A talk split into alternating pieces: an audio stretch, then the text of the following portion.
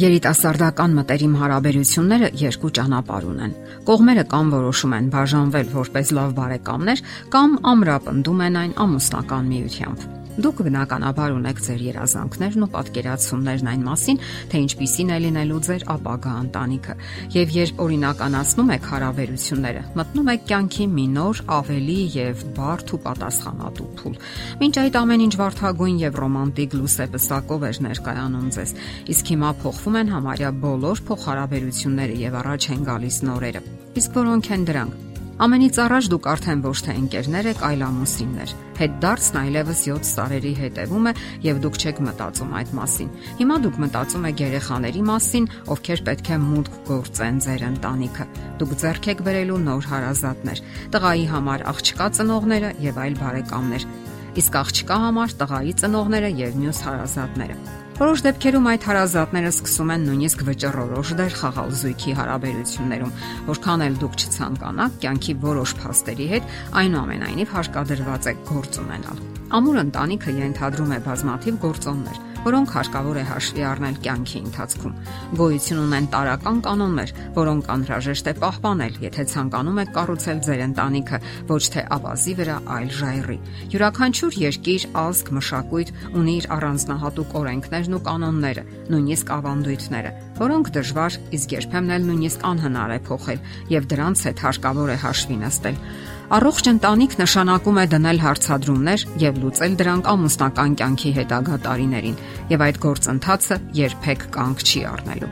Եվ այսպես, առաջին հերթին հարկավոր է կարգավորել փոխհարաբերությունները։ Իսկ դա նշանակում է կլոր սեղանի արկայություն հետագա ողջ ժամանակահատվածում եւ անպայման հաշվի առեք մի կարևոր փաստ չի լինելու բռնություն, չի լինելու ուժերի անհավասարակշռություն, չեն լինելու դժողներ եւ շահողներ։ Գուցե թվա թե կարիք չկա այս տարական ճշմարտությունները կրկնելու, սակայն ողրվում է, որ կյանքը շատ ավելի բարդ ու հակասական է, քան կարող է թվալ առաջին հայացքից։ Որոշ մշակույթներում այնպիսի արմատացած ավանդույթներ կան, որ դրանք հաճախ օրենքի ուժ են ստանում եւ ժայռի պես ամուր են։ Ոչ քիչ դեպքերում դրսևորվում է խտրականություն, գործում է ուժեղի ու թույլի կանոնը։ Շատերը հաշտվում են նման օրինակ բարքերի հետ, շատերը պայքարում եւ արդյունքում լուրջ հիմնախնդիրներ են ունենում։ Ահա թե ինչու շատ կարևոր է, որ ընտանիք կազմողները մինչև ամուսնական ուխտ կնքելը ոչ միայն հոգեբանական խորհրդատվություն անցնեն, այլ իրար հետ parzabanեն հենց այդ հարցերը։ Ինչպես է իրավիճակն այդ առումով ասենք, որ շատ քիչ դեպքերում է զույգը նախամուսնական խորհրդատվություն անցնում։ Նրանք ենթադրում են, որ մինչև ամուսնությունն արդեն ամեն ինչ գիտեն։ Հետո բախվում են ընտանեկան կյանքի ստորջրյա խութերին եւ հաճախ նավակը շուռ է գալիս։ Ճիշտ եւ հավասարազոր հարաբերություններ առանց բռնության։ Ահա ճշմարտությունը։ Իսկ բռնությունը կարող է լինել տարբեր՝ ֆիզիկական, հոգեբանական, հոգեվոր։ Երբեմն երկուսը կամ երեքը միասին են հանդես գալիս։ Գաղտնիք չէ, որ դուժող կողմը սովորաբար լինում է կինը։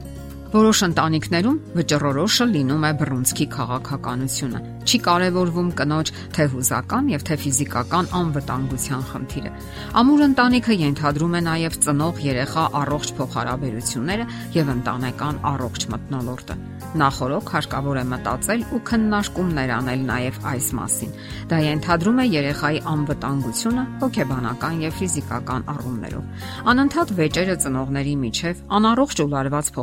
փոխհարաբերությունները, կողմնակի միջամտությունները, ծնողներից մեկի կորուստը կամ բացակայությունը եւ վերջապես ամուսնալուծությունը բացասաբար են ազդում մանկան փխրուն եւ զգայուն հոգեբանության վրա։ Ահա թե ինչպիսի լուրջ ու պատասխանատու վերաբերմունք է պահանջվում հասուն եւ զարգացած այն մարդկանցից, ովքեր պատրաստվում են կյանք մտցնելու անպաշտպան եւ իրենցից լիովին կախված փոքրիկ էակներին։ Դա նշանակում է կարևորել երկկողմանի դաստիարակության համատեղ գործընթացը, ինչպես նաև բարբերաբար ստանալ խորհրդատվություն մանկական հոգեբանության մասնագետներից։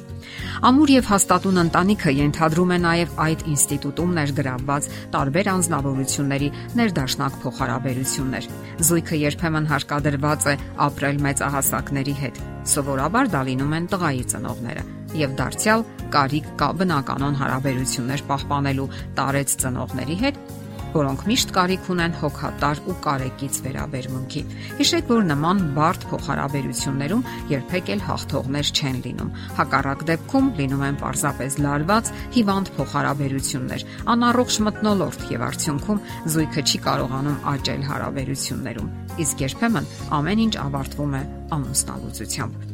Ահա թե ինչու անհրաժեշտ է ճիշտ եւ հավասարակշիռ վերաբերմունք ամուսնական հարցի առումով։ Շտապելը երբեք էլ լավագույն եղանակը չէ։ Հարկավոր է ժամանակ միմյանց ճանաչելու եւ ճակատագրական որոշումը կայացնելու համար։ Միշտ էլ պատրաստ եղեք անսպասելի եւ անկանխատեսելի իրավիճակների եւ փոխհարաբերությունների։ Կայուն ընտանիքը ենթադրում է սովորելու եւ կանգ չառնելու պատրաստակամություն, սովորելու եւ աճելու ցանկություն ողջ կյանքի ընթացքում Հիշեք, որ ճնշելը, պարտադրելը, ստիպելը երբեք էլ լավագույն եղանակները չեն։ Իսկ ահասերը, համբերությունը, զիջողականությունը եւ դիմացինին անցալելն ու ըմբռնելը ցանկացած հարցի ու բարդ իրավիճակների լուծման հնարավորություններն են։